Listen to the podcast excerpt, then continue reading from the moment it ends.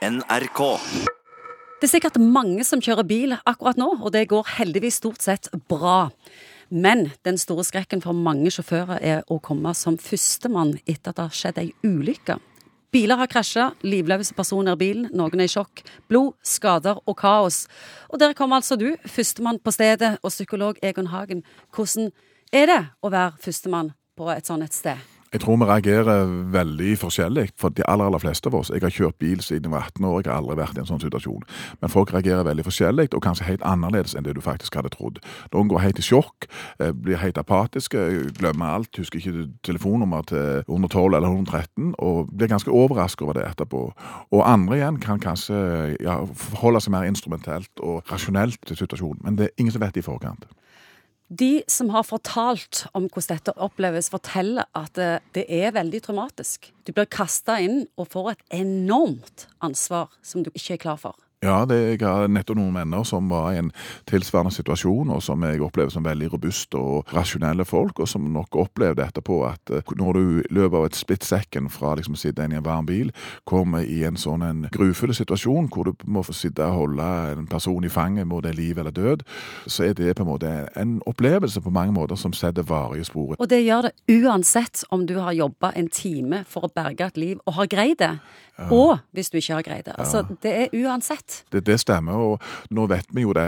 I denne type skarpe situasjoner så er det sånn at alt det som har automatisert, altså hjerte-lungeredningen, hvis vi har trent på dette, så er det større sannsynlighet for greie å aktivere disse handlingssekvensene enn om vi ikke har trent på dette. For det er noe med det, hvis vi skal tenke gjennom alt der og da, så er det mye rart som kommer ut. Det er derfor en driller på disse tingene. Tenk på Nordsjøen, f.eks.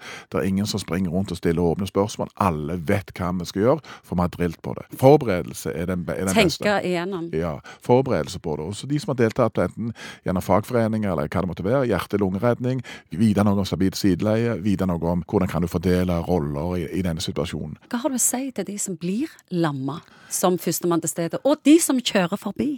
Ja, de, ja, det er jo, kjøre forbi er jo forferdelig, og det er jo faktisk også straffbart. Men det å være veldig rundhånda med Dette er en helt ny situasjon, en situasjon du ikke har trening på, du har aldri vært i det før. Tyngden i situasjonen gjør noen ganger at vi ikke greier helt å håndtere det. Og så er det mange også som opplever at det er vanskelig, at du kan ha vært i en situasjon og det har gått sånn eller sånn, og så opplever du at det kommer profesjonelle folk til, og så helikopter, og så er vedkommende vekke. Og så kan du på en måte mangle det vi kaller closure. eller får ikke Du vet ikke hvordan det går. Du vet ikke hvordan det går med dette. Og mange syns jo at det er noe av det aller, aller verste, og det er heller ingen som har noen plikt til å informere deg om dette i det hele tatt. Hvordan gikk det egentlig med vedkommende, kan være et sånt et spørsmål som blir hengende. Det er jo helt vanlig at helsepersonell blir debrifa etter sånne opplevelser. Men ikke vanlige folk. Hvorfor det? Ja, nå Heldigvis har det skjedd ganske mye. Denne saken som jeg refererte til, og disse som jeg kjenner, de, de fikk tilbud faktisk om debrifing. Gjorde de det? Ja, fordi at eh, en har etter hvert gjort erfaringer at det å få anledning å snakke om opplevelsene, og for alminnelige folk, kan være viktig. Men det er noe med å være lydhør. Noen vil ønske det, og andre vil ikke ønske det. Så der er en òg blitt mye flinkere, tror jeg, på å si at det er en anledning. Også, for det, vi er forskjellige, og vi forholder oss òg til kriser forskjellig. Ja, og hvis det er noen har opplevd dette og sliter med det ennå, hva kan de da gjøre? Nei, ja, det er jo sånn at Hvis du blir hengende fast i noe, og du fikk egentlig snak aldri snakket ut om det, så vil jeg ha enten Du kan selvfølgelig prøve å være med de som er rundt deg, og noen ganger så trenger du også kanskje å snakke med noen profesjonelle for å få normalisert disse reaksjonene. For det, mange kan kanskje bli overveldende, og det kan være veldig sterke synsinntrykk, hørselsinntrykk, som kan sitte igjen. Der er det heldigvis god hjelp å få. å komme videre ifra disse sterke sanseinntrykkene.